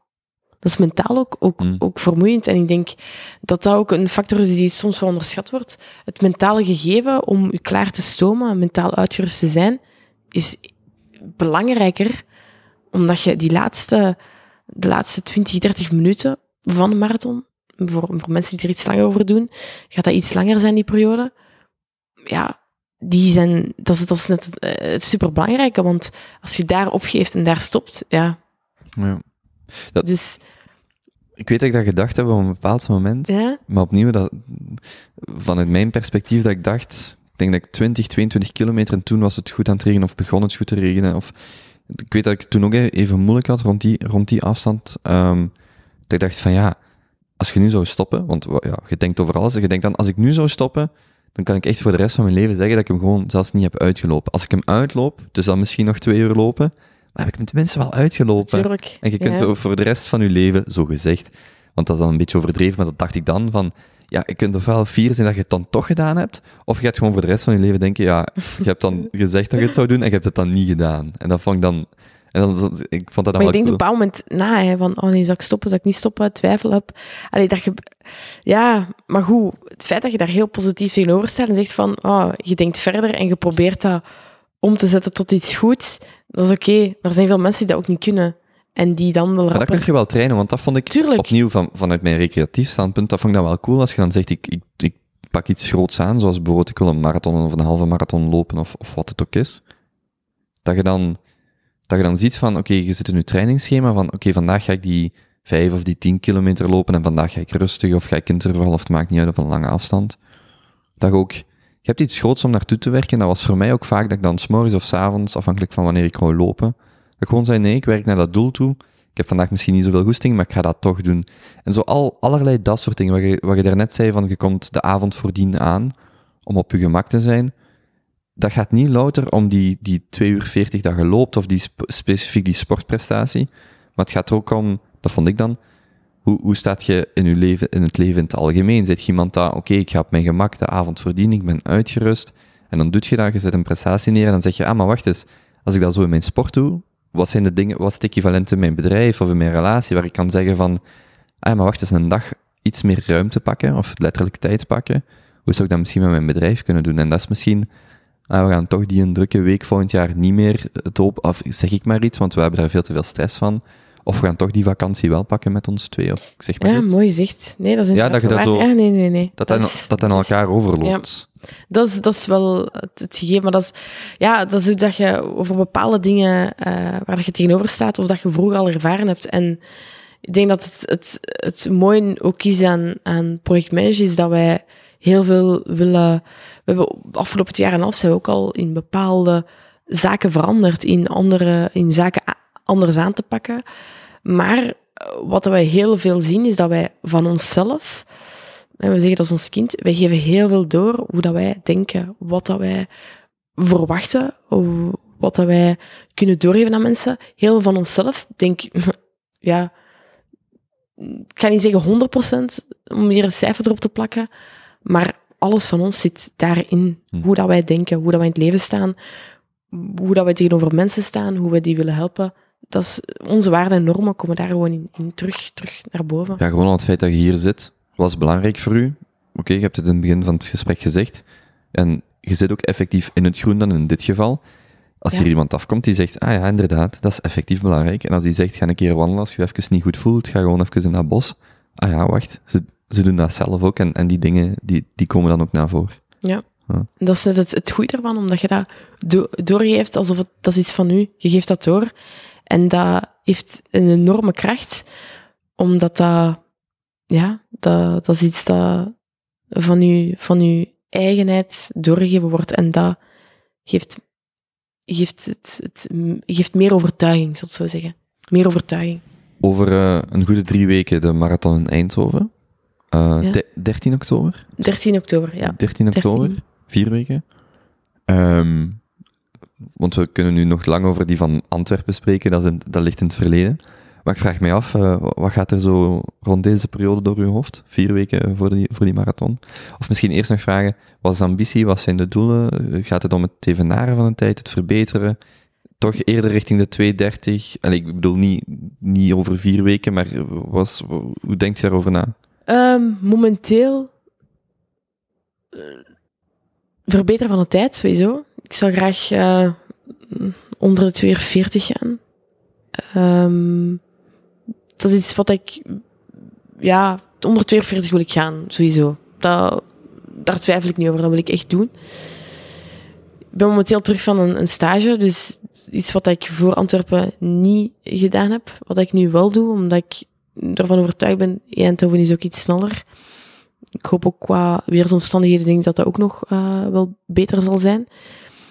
Ik sta daar heel, ja, ik ben misschien wat groggy van mijn training deze ochtend, maar ik sta daar momenteel, ik heb er, ik heb er goesting in. Dus zo, ik heb dit weekend wel een, even een, een klopje gehad, mentaal dan. Alleen mentaal, ik bedoel mentaal en fysiek gewoon, omdat het heel zwaar trainen was. Uh, ik heb daar ook wel, ja, ik heb, ik heb denk ik niet genoeg rust voor de training die ik gedaan heb. Uh, ook al denk je van, allee, je zit toch op, op, op trainingsstage, ja. Ik heb misschien te veel toch met een pc boven gehaald, maar ja, kijk, het is niet zo, ik, leer daar weer uit, dus dat is, kijk hoe. Uh, en door net nu iets meer rust te nemen, kon ik vandaag weer keihard goed doortrainen. Weer stapje vooruit gezet. Nog vier weken te gaan, er kan nog veel gebeuren. Veel gebeuren op het verbeteren van je, basistempo. Die laatste twee taperweken, daar kijk ik enorm hard naar uit. Omdat dat je lichaam afbouwen, afbouwen, afbouwen. En dan voelen die dat kanon komen, zo, dat energie. Ja, en dat, dat is... Die taperweken, dat is iets dat ja, dat geeft je ook rust. Dat geeft, ga je, ga kunnen nadenken ook. En gaat je, je doel volledig kunnen, kunnen voorstellen. Je gaat het scenario kunnen afspelen, afspelen, opnieuw afspelen, nog eens afspelen. Tot de dag zelf. Mijn overnachting is al in orde, dit en dat, dus ik ben daar al mee bezig geweest. Ja, ik, ik, heb, er, ik heb er een goed oog op, zal ik zo zeggen. Ja. Dus je gaat dan de avond verdienen naar Eindhoven en die marathon is ook om 9 uur s morgens? Uh, 9 uur of 10 uur, ik denk 10 uur zelfs. Ja. En heb je dan een vast groepje die met u meelopen? Um, ik heb één want, haas. Want je, zei, want je zei daarnet de, de mannen waar dat ik meeliep. Ja, maar, maar dat waren dan de andere deelnemers in dat ja, geval? andere deelnemers. Mm -hmm. Ik had twee hazen in uh, Antwerpen. Twee hazen, twee vrienden. Die... In deze context, wat, wat is een haas? Een haas is een, is een pacemaker, zeggen ze in het Engels. Dus die voor u gaat lopen, het tempo gaat bepalen. Jij moet niet kijken naar je horloge. Jij zet, wordt uit de wind gezet. Je moet eigenlijk gewoon volgen, ontspannen in de ja, slipstream, zoals ze zeggen. Mm -hmm. Up. En dat, dat zorgt ervoor dat je... Ja, dat doet heel veel. Hè. Dus uh, in Eindhoven ga ik ook iemand hebben die dat voor mij gaat doen. Ik weet zelf nog niet mijn coach of hij het gaat doen of niet. En die loopt een deel van de wedstrijd mee, of de volledige wedstrijd? In Antwerpen heeft één haas volledige wedstrijd meegelopen, een andere haas tot 28 kilometer. Wie was het dan? Uh, mijn, ha mijn haas? Ja, de broer van mijn coach, uh, Sander van Schuurbeek. Want dat zijn dan zelf ook topsporters? Of top ja, ja ze, lopen, ze lopen ook dagelijks. Hè, dus ja, want eigenlijk... die lopen dan ook aan 240. Ja, ja hetzelfde tempo. Ja. ja. En dus in Eindhoven heb je eentje die met u meeloopt? Ja. Het volledige stuk? Ja. Normaal gezien wel. Ja, als hij het kan trekken Ja. tot dan. En anders juist. Uh, maar ik heb... Een haas, allee, tempomaker, is voor mij cruciaal de eerste 20 kilometer. Ja, ik ben aan het nadenken, 20 kilometer, omdat ik anders te snel zou gaan. Hmm. Um, kent je het parcours daar, überhaupt? Ik heb het al drie keer bekeken online, maar Hmm. nee. Is, is, is eigenlijk zelfs belangrijk om het parcours te kennen? Of, ik, ik, bedoel, bewust om, niet... om het fysiek te kennen. Ik, bedoel niet dat je onvoorbereid bent en, en totaal geen idee hebt, maar moet je het parcours echt gezien hebben, of valt dat wel mee? Veldloopwedstrijd wel. Mhm. Marathonwedstrijd, nee. Dat, dat ben ik... Ik onderga gewoon op het moment zelf en ik zie wel wat en hoe. Ehm, maar nee, daar, daar ben ik niet, niet, uh, niet zoveel mee bezig. Ik denk dat voor mij het belangrijkste op dat moment is, oké, hoe is het weer? Ça va, alles in orde, start, rustig. Um, en mijn bevoorradingen, genoeg water drinken, gelletjes, die dingen allemaal. En ja, dat is, parcours ben ik niet, niet zoveel mee bezig. Nee. Hmm. In het interview dat je aan Sporza gaf, vlak na de, na de, na de marathon van Antwerpen, kwam het al eh, aan bod. En 31 mei 2020 is de deadline. Als je dan... Mm. Ik vind het een beetje een stomme vraag, omdat ik u dingen vraag die, die misschien helemaal niet relevant zijn. Maar ik vraag me af in welke mate dat Olympische Spelen in uw hoofd zitten. Olympische Spelen van Tokio zitten eh, niet in mijn hoofd. Dat eh, kan ik met een oprechtheid zeggen. Waarom? Omdat dat niet haalbaar is. Ja, ze schrijven een limiet voor van 2 uur 30. 2.29.30. Ja, voilà. Dat is, ja, als ik mij de komende vier maanden opsluit en elke dag hard train en niet meer buiten kom, geen sociaal contact meer heb, uh, niet meer werk, projectmanager aan de kant schuif, uh, om het echt heel cru te zeggen, een totaal ander plaatje van wat ik nu zou, waar ik nu mee bezig ben, dan misschien. Maar dat wil ik niet. Ik wil niet, ik, heb nu mijn evenwicht en ik denk dat de limiet voor mij is te hard. Dat momenteel, dat gaat niet. Dat, dat kan ik niet aan. Uh, het zou voor mij ook te veel zijn. Te veel qua prestatiedruk en het moet en het moet, het moet. Maar er moet niks. Het belangrijkste is dat er amuseerd moet. Allee, dat, dat fun moet. Het, gegeven van die fun en plezier, dat moet blijven. Als dat er blijft, is dat goed. Maar het zou er niet zijn, moest ik alles om, in één keer omgooien en dat evenwicht gewoon... Ja, wat je eerder al zei, moest het nu puur om het lopen gaan, of enkel om het lopen, dan, dan hoefde dat niet per se. Als je nu zegt, ik zou mij zes maanden opsluiten, tot uh, einde mei, louter en alleen om die kwalificatie te behalen, het is misschien niet zo belangrijk. Um, Ja, en ja, haal ik hem dan nog wel? ja, om, om hem misschien te halen. Ja. ja. Ja. Ja. Omdat ik weet, nee, dat zou ook niet in de, in de progressielijn zijn die ik in mijn ogen, in mijn gedachten heb. Het zou te veel, te snel zijn. En ik weet niet wat de consequenties nadien gaan zijn, maar ik wil het niet. Ik sta, ik, ik sta er niet voor, ik, ik wil het, nee, ik wil het gewoon niet. Allee, ik wil zelfs gewoon een marathon lopen, ja, dat wel. Ik weet nog niet welke, dat zien we nog wel naar Eindhoven. Eerst daar even op uh, richten. Um, maar ja, ik denk dat ik, ik, ik heb vertrouwen in mezelf. Maar zoveel vertrouwen om 2 uur 29 te lopen na, op een derde marathon. Mm. Maar dat is, ook niet, dat is ook niet, in principe geen, dat hoeft niet een gebrek aan vertrouwen te zijn. Dat is gelijk, eh, dat is niet omdat ik een weekend met een baby heb eh, gespendeerd, maar het is niet omdat je weet dat die baby niet volgende, volgend jaar al gaat wandelen, dat je een gebrek aan vertrouwen hebt. Dat is gewoon te vroeg. Ja, Zo. het is te vroeg. Het is te vroeg. En, en, en dat is zo, als je Ja, zegt, dat is omdat vaak mensen zeggen, allee, waarom ga je daar niet voor? Ik Ja. vraag hoeveel keer dat ik die afgelopen periode al heb gekregen. En je gaat er voor Tokio. Ik zeg, nee, ja, allee, je moet wat meer zelfvertrouwen hebben. Hè. ja, nee, nee. Je moet wat nee. meer in je eigen geloven, maar dan denk ik in me- in mezelf. Ik denk niet dat sommige mensen beseffen ja, of, of weten van hoeveel tijd dat er gaat in het toeleven naar één bepaalde wedstrijd, een marathon.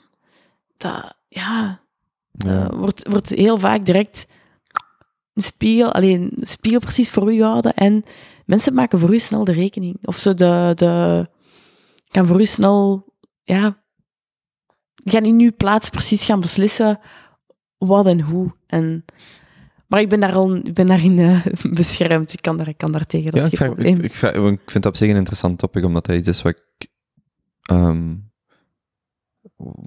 niet vanuit, natuurlijk niet vanuit uw perspectief kan benaderen, want ik ben geen topsporter, maar wel zo vanuit het perspectief dat je, hoe, hoe gemakkelijk het soms lijkt om van iemand verwachtingen te hebben. Allee, je zou dan zeggen, allee, het is toch maar tien minuten sneller, ik zeg Ja. maar iets.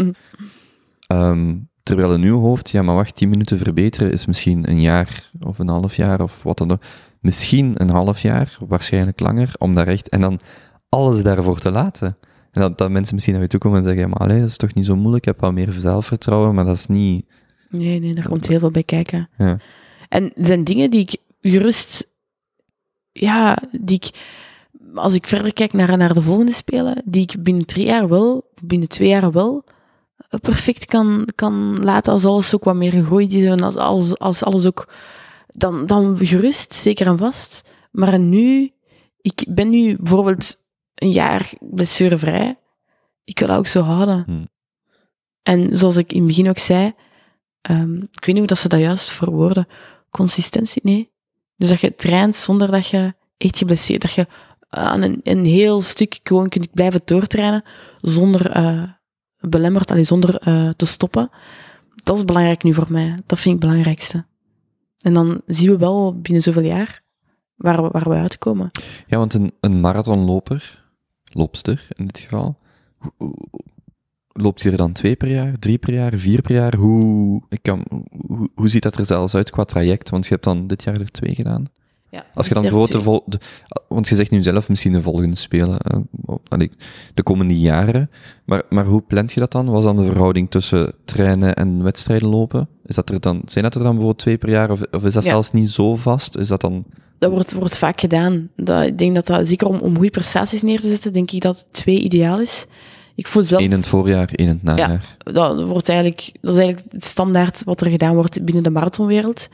Nu, mijn coach bijvoorbeeld, die, die, die eh, nu loopt hij nu voor de fun, loopt, loopt hij soms drie marathons op, op een maand of op, op, op twee maanden. Dus die, die doet dat echt voor, voor het plezier. eh. Maar als je echt puur prestatiegericht wilt werken, en je, je werkt toe naar een marathon, je loopt die marathon, je lichaam heeft tijd nodig om te recupereren. En dan bouwt je terug na drie, vier weken terug op. Hup, je, je begint terug te trainen. Je lichaam wat meer, terug wat meer eh, uit de, de comfortzone trekken. Maar dat is ook een proces. Hè. Je kunt niet verwachten direct dat je binnen zoveel maanden, allee, binnen de vier maanden opnieuw inloopt, waar dat je nog eens beter wordt. Dat is te veel. Je lichaam, je lichaam heeft ook maar... We zijn geen robot, hè. We zijn geen robots, we zijn nog mensen. En mensen hebben ook... Ja, mensen hebben soms ook... Je hebt tijd nodig om bepaalde dingen eh, van daar te, van te herstellen. En hoe beter je herstel is, hoe beter je prestaties ook gaan zijn. Dus twee marathons, ja. Eindhoven nu. Ik weet niet wat ik ga doen in, in april, mei. Dat weet ik nog niet. Ehm, ik ga wel zien hoe dat ik nu recupereer daarvan. Ehm, maar ik vond het, ja, het was... Ik denk dat, dat, dat ik misschien... Ik heb nu mijn achterhoofd van een jaar nog even te wachten en volgend jaar nog eentje te doen. In het najaar dan, 2020. Dat, maar op zich, nee. Ik weet, het- ik weet het zelf nog niet. Het verandert ook week per week. eh, maar momenteel ogen gericht op Eindhoven. Als je van veldlopen komt en je doet dan de marathon, heb je dan, eh, denk je dan regelmatig na over zo die trailruns, die ultra trails, dat soort dingen? Goh, De, de, ehm, de 50k's, de 75, ja, de 100, ja. zelfs de, nog de 100 mijlen, tot, tot, Ja. tot wat het ook allemaal gaat. Is dat iets wat u... En dan, en dan misschien nog niet zozeer, wel ook weer het competitieve om zoiets, ik zeg maar, te winnen of, of, of, of eh, goed te scoren.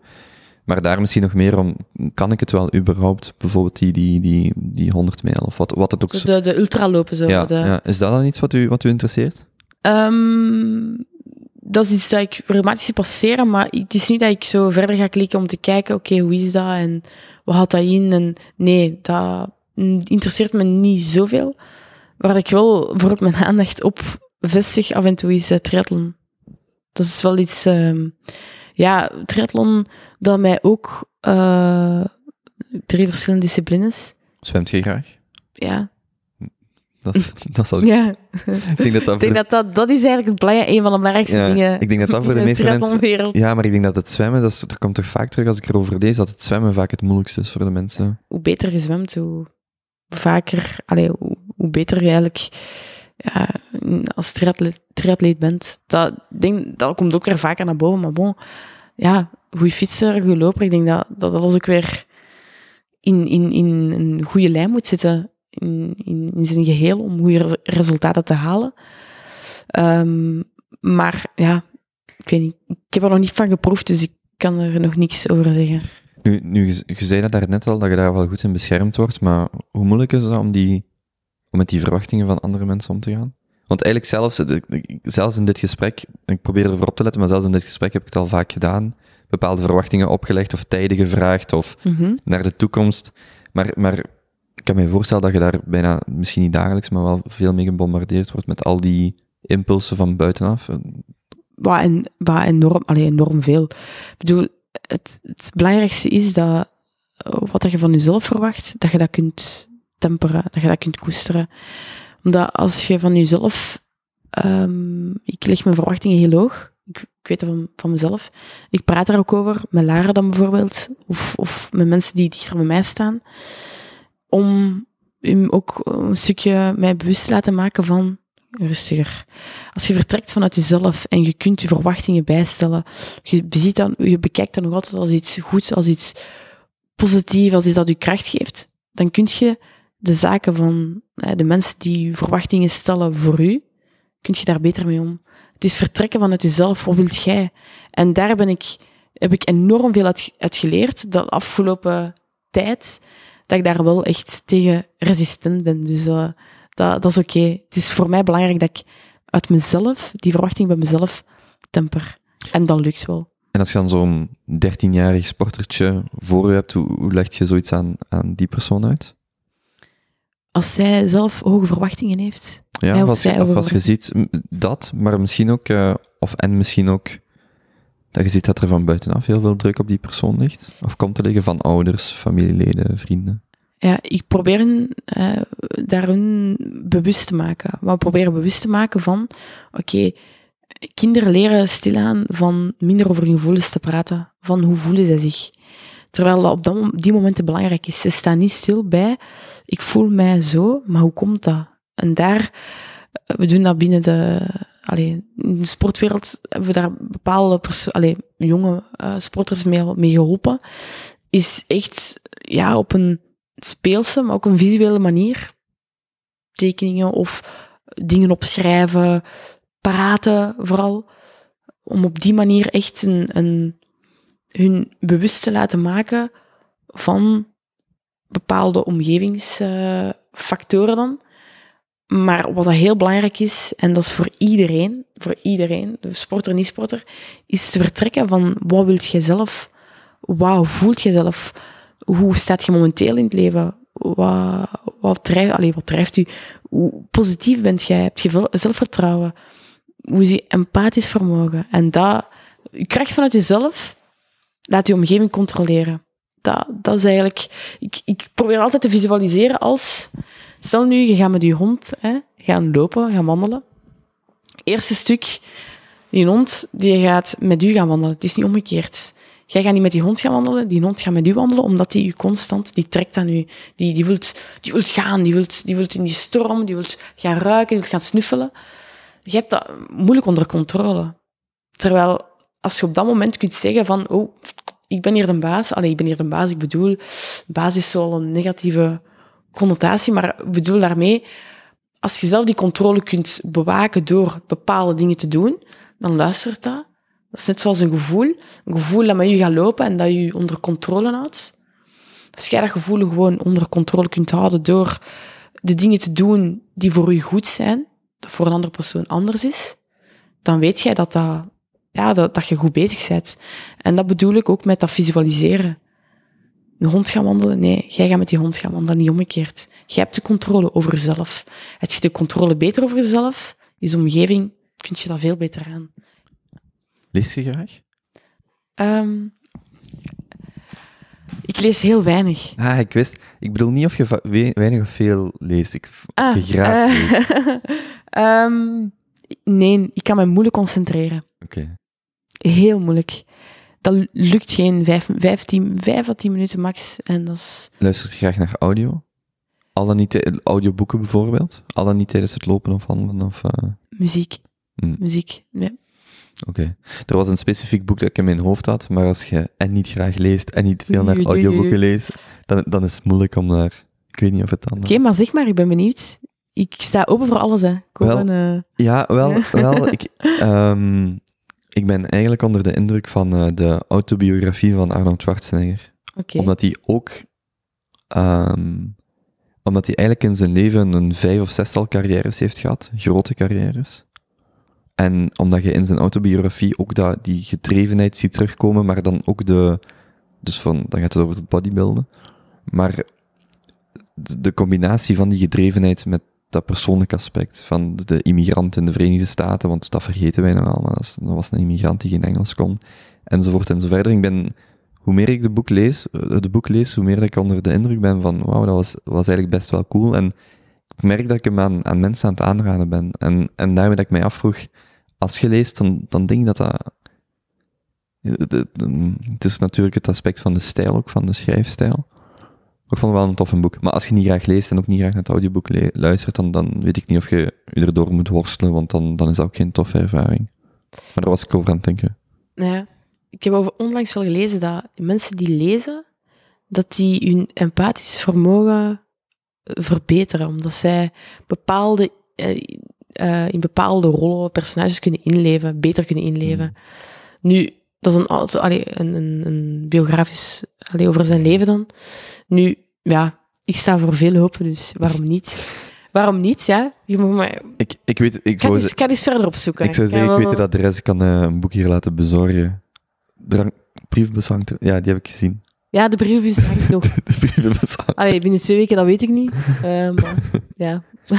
Ik, ik, je, je werd er net aan als ik u de vraag stel, hoe legt je dat aan een, aan een 13-jarige uit, bijvoorbeeld? In, in uw relatie, en, en dus het antwoord dat je gaf in uw relatie, zit jij het de, meestal die Lara eraan herinnert, of andersom? Beide. Oké. Op verschil, totaal verschillende vlakken. Dus zij, allee, we trekken elkaar op, op... Zij trekt mij op, op eh, vlakken, ik trek haar op andere vlakken. Maar op, het einde van de rit is wel het, gegeven dat wij samen ja, aan één zeil trekken. En ja, ik denk dat wij daar elkaar gewoon... dat onze match...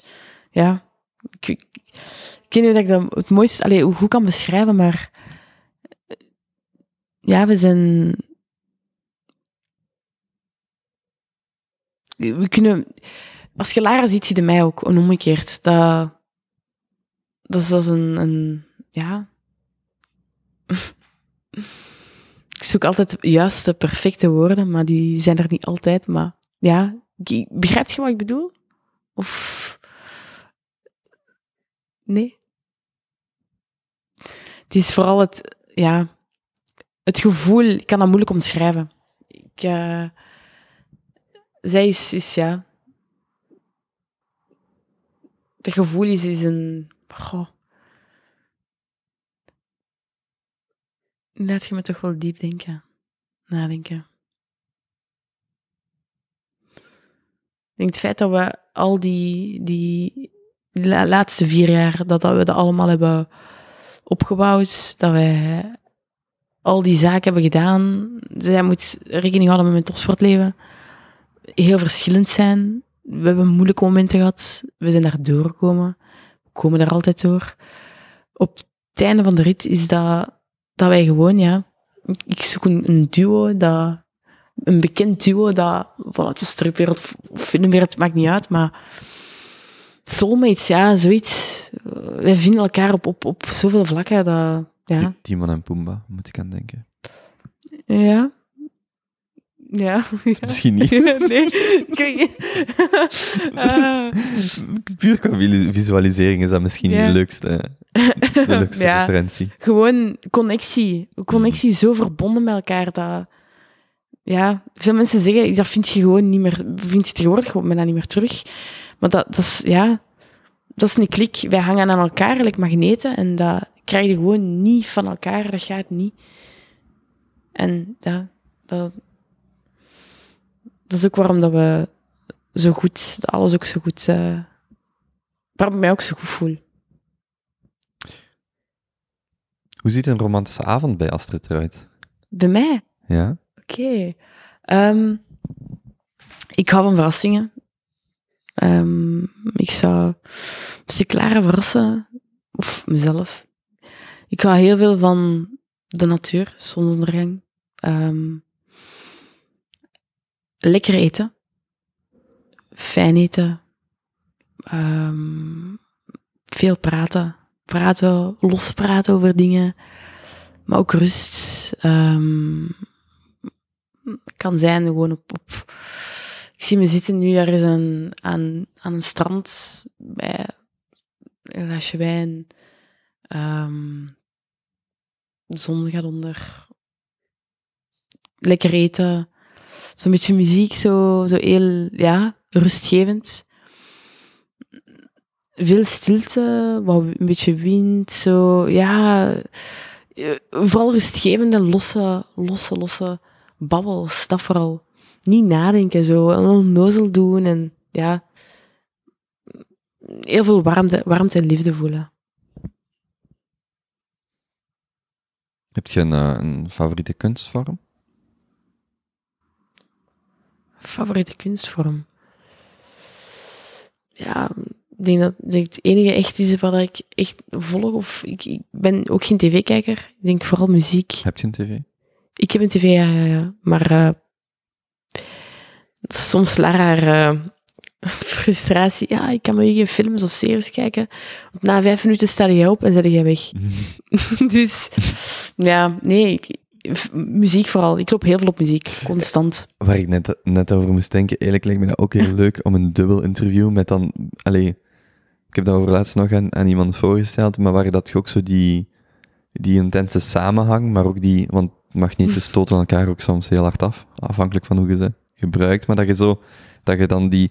Je hebt dat samenspel, maar je hebt dan ook zo die kleine verschillen die, Ja, die je ja, dan ja, enorm kunt uitvergroten. Maar dat is bij ons enorm. dat is bij ons enorm. ja, dat is... Mensen vinden dat wel... eh, soms wel... Allee, vinden dat wel tof. Maar dat is ook omdat we heel eh, open en eerlijk zijn naar elkaar toe, maar ook gewoon naar de buitenwereld toe. Ehm, maar ja, er komen soms wel grappige situaties naar boven, ja. Leuk. Ehm, ik ben even aan het kijken. Ik zie dat je hier trouwens een... eh, het is niet dat jij... Ik, ik kwam binnen, want ik ben nu terug met, met gewichtheffen begonnen. Da, Ja, daar gaat de vraag naartoe. En ik, ik zie hier zelf... eh, want om de een of andere reden had ik daar nog niet te veel over nagedacht, maar het samenspel tussen kracht en uithoudingstraining. Hoe, hoe ziet dat er voor u uit? En nu ben ik van de hak op de tak aan het springen van, Geen probleem. van de romantische avond ja, ik kan er tegen. Ik ben dat wel gewoon. Dus, eh, oké. Nee, maar ik, ik vroeg mij dat af, hoe dat, dat, hoe dat die samengaan. Dus kracht, Dus voor mezelf of voor uh, gewoon in het algemeen hoe wij coachen? Uh, voor beide, voor beide. Maar ja, natuurlijk, ik, ik zal het anders zeggen, ik wil, ik wil aan u vragen hoe dat ik die beide best com- combineer. Dus dat is waarschijnlijk nog iets anders als dat, dat voor u persoonlijk is, maar dus eerder in het algemeen. Maar voor jezelf, hè, nu je normaal gezien meer gaat lopen, is dat eigenlijk al je cardiotraining. Stel dat je zegt van ik wil daar twee keer per week een extra krachttraining bij, dan zou ik echt met, met eh, gewichten, maar ook ehm, oefeningen op eigen lichaam, lichaamsgewicht gaan eh, uitvoeren, sowieso. Wij zijn voornamelijk voorstander om wel gewichten, te- allee, gewichten te gaan gebruiken, omdat dat je energieniveau naar boven brengt, omdat je meer spieren gaat kweken. Spieren zorgt er ook voor dat je morgen gaat uitzien, meer zelfvertrouwen, gaat afvallen. Dus stel nu drie keer per week lopen, twee keer een keer een, een krachttraining, je houdt je het aantal gewichten bij, je varieert in oefeningen. Dat is een perfecte combinatie. Mensen die bij ons komen, die coachen wij eh, hier een uurtje. Ehm, en afhankelijk van hun doel gaan wij hun training aanpassen. Maar we raden wel altijd aan om, stel dat zij twee keer per week komen, zouden ze toch nog één of twee keer per week daarbuiten iets anders moeten doen. Gaan ze extra naar de fitness? Gaan zij extra lopen, wandelen, fietsen, zwemmen? Maakt niet uit. Dat, dat kan allemaal. Maar de combinatie van cardio en krachttraining is, ja... Ik zelf gebruik het... Ik doe heel veel cardio, ja, uithoudingsbeest, sowieso. Krachttraining, ik, ik doe heel loopfunctionele oefeningen. Ik gebruik niet veel gewichten. Ik eh, ga voornamelijk veel werken met elastieken, eh evenwichtsoefeningen, zo'n dingen, buikspieroefeningen, ehm, zo'n zaken. Ja. Jullie zijn hier ook mooi geïnstalleerd eigenlijk, als ik hier rondkijk. We zijn mooi geëquipeerd, maar ik vind zelf dat er eh, iets te veel rommel ligt. Ehm, ik zelf zou Het is niet, hier eerst beginnen, beginnen opruimen voordat ik mensen laat binnenkomen. het is niet echt professioneel van mij om dat te beamen, maar ik ga het wel beamen. Ja, doe maar, maar. Ja. Maar het- het- ik vind het wel gezellig. Want hier kom je dus ook met, uw, met de mensen, andere mensen dan jullie twee trainen. Hè? Ja. Inderdaad. Dus eh, hier is onze locatie. We gaan ook, we werken ook aan huis. Mhm. Dat doen we eh, tegenwoordig ook iets meer al. Maar het, voornamelijk de plaats is hier. Hier geven we ook de groepslessen. Eh, mensen komen naar hier. We gaan eens naar het bos. We komen binnen. Mensen die nood hebben op mentaal begeleid worden, gaan we naar boven. Daar hebben we ook onze gesprekken. Dus ja, het is zo gevarieerd ook. Hè. En het leuke daaraan is, mensen komen terug. We hebben wekelijks contact. Gebouw iets op. Vertrouwen. Nou, dat is leuk. Dat is leuk. Behalve, we hebben het nu voornamelijk over lopen en, en het ondernemen gehad. Eh, wat zijn nog dingen waar je, waar je jezelf in kunt verliezen? Ehm, ik vind, ja, ik denk direct aan, aan snelheid, ja, auto's, Oké. Ehm karten dan, karting. Echt, eh, ja, Gewoon hard gaan, hard rijden. Is dat iets wat, En technomuziek, technomuziek, Oké. technofeestjes, ja. Ja, toch wel? Karting en technofeestjes. Ja. Sorry, ik klink, ik, ik, ik, het is gewoon een grappige combinatie. Ja. Of nee, nee de, de, de lijn is duidelijk. Ah, ik had gewoon niet karting verwacht. Ja, ja, karting, omdat ik daaraan denk, ik ga niet een auto pakken en die roekeloos over het straat rijden. Maar, allee, Nee. ik heb een hele zware voet, dat wel, maar ik, ik probeer... Ja, dat is iets waar ik meteen aan denk. Is dat iets wat je regelmatig doet? Ehm, Dat je zegt zo van, nu moet ik eens even eh, gaan karten. De laatste keer dat ik dat gedaan heb, wanneer was dat? Het feit dat ik dat niet meer weet, ik denk dat dat ergens... Dat was dit jaar nog, maar ik doe het, ja, ik doe het, doe het te weinig sowieso, als ik het nu al niet weet. Maar het is wel iets dat, als ik daaruit stap, dan zit het zo, leeg. Is dat iets waar iemand u een plezier mee doet als je de 240 haalt in Eindhoven? Oh, ik heb het niet verstaan. Is dat iets waar iemand u een plezier mee doet? Een keer eh, gaan karten? ehm, als, je onder, als je uw tijd haalt in Eindhoven? Of de, uw tijd verbetert? Ja, sowieso, maar dan moet ik wel winnen. Ja. ja. ja. Nee, laat mij dan eerder echt eens naar een feestje gaan. Ja. En met de mensen, ja, met, met vrienden gewoon amuseren. Dat, dat, daar zou ik het meeste plezier mee doen. Waar zijn de beste feestjes in Buggenhout? Oei, oei. Ik denk momenteel hier, dus wij eh, coaching geven, zitten toch altijd leuke afspeellessen op. En Mm. dat is gewoon amusant. Nee, hier geen flauw idee. wij gaan meestal eh, naar grote steden, Antwerpen, eh, Gent, of kleine festivals. Nu, deze zomer is dat wel gedaan. Alleen, nou, deze zomer hebben we al een paar gedaan. Superleuk, leuke eh, festivals gedaan. Ehm, maar we gaan voornamelijk naar de grotere steden daarvoor. Alright. Ik kijk even op mijn horloge. Ehm, Het is voorbij gevlogen. Ja? Ik vind dat, ja. dat is een andere vorm van snelheid dan. Maar ik, ik, ik, Ja. vind, wel, ik vind het wel altijd leuk als het, ehm, als het weinig of niet opvalt hoe lang je überhaupt aan het spreken bent. Nee, inderdaad. Dat betekent dat het... Dat heb je ook soms ehm, bij het Ik kan er enorm van genieten om lang in een auto te zitten. Dus ergens naartoe te rijden. Als je tegen mij zegt, rij morgen naar eh, Slovenië. Zeker als ik door Duitsland mag rijden. Ja? Ik totaal geen. Ja, ja, door Duitsland. Ik moet ook wel zeggen, ik heb het ook al heel vaak gedaan. Dus ik vind dat heel leuk. Ook, eh, als ik begin dit jaar aan het rijden was, zat ik in Wenen. Dus dan ging ik af en toe op en af. Maar ehm, in de auto heb je soms ook dat gevoel dat je ineens, ineens krijgt op de klok en zo, wauw, heb ik nu een an- anderhalf uur, twee uur, drie uur gewoon eh, aan iets zitten denken. Want ik ben ook zo'n type chauffeur, het hangt ervan af als ik met anderen ben. Meestal rijd ik alleen. Maar ik kan ook gewoon vijf uur aan een stuk rijden. En ik weet dat je in principe na twee, drie uur altijd eens moet uitstappen. Maar ik kan gerust vijf, zes, zeven uur aan een stuk rijden. En dan is dat echt zo'n moment dat je zo gewoon... Je zit aan het opletten, gelijk dat je in de douche staat, je zit m- motorisch bezig, je zo, ja. maar je, zit, je hebt zo... Ik vind dat idee van, van mentale bandbreedte. Dus de meeste mensen kennen het concept van bandbreedte wel. Dat is hoeveel signaal of hoeveel signaal je door iets kunt sturen. En als dat vol zit, zit dat vol. Maar je, hebt ook zo, je kunt er dan over denken, eh, over mentale bandbreedte. En, en uw mentale bandbreedte zijn zo... Wat zijn alle kleine probleempjes die knagen? Dat vult gewoon uw mentale bandbreedte op. En hoe meer dat je dus... Ah, ik moet nog vanavond dat doen en morgen nog dat dat je zegt dan bijvoorbeeld tegen mensen, maak eens een to-do-lijstje, dat die mentale bandbreedte, dat je minder in, je hoofd hebt. Dat dat gewoon op een lijstje staat zo. En, en bij, bij douchen en autorijden en zelfs bij lopen en dat soort dingen. Automatisme op een duur. En dan denk, kun je nadenken. Ja, want je hebt een, je hebt een, bepaalde, een bepaald stuk wordt gebruikt voor het motorische of het, of het intellectuele. Maar een heel groot deel blijft ook nog open. En, maar je zit net genoeg bezig met iets dat je niet de, tijd hebt of niet de, de, het instinct om te panikeren of te piekeren over dingen. Maar ook te weinig om, je hebt ook nog overschot om over dingen na te denken. En ik vind dan zo lopen, douchen, autorijden, daar gewoon zo'n een uur eigenlijk over niks nadenken. En, en tegelijkertijd ook over heel veel nadenken. En dat vind ik zo... En natuurlijk zit ik met verkeer bezig. Ehm, maar ja, ik weet niet hoe ik daar nu bij kwam, maar Een moment van... ehm rijkelijk, allee, rijkelijk denken, denk je dan. Snap je wat ik bedoel? Dat je gewoon even... Ja, dat je je leeg kunt... Tegelijkertijd leeg in je hoofd, maar tegelijkertijd ook energie, energie hebben. Bedoelt je dat? ja, ik ben nu aan het denken of ik het op, ook zo zou beschrijven op dat moment zelf. Maar het is vooral misschien dat ja, zo dat, dat leeg zijn, of dat niet bezig. Misschien niet denken in termen van meer van iets, maar gewoon minder van, van dat piekeren, en- of minder van, minder van dat nadenken over dingen. Ehm,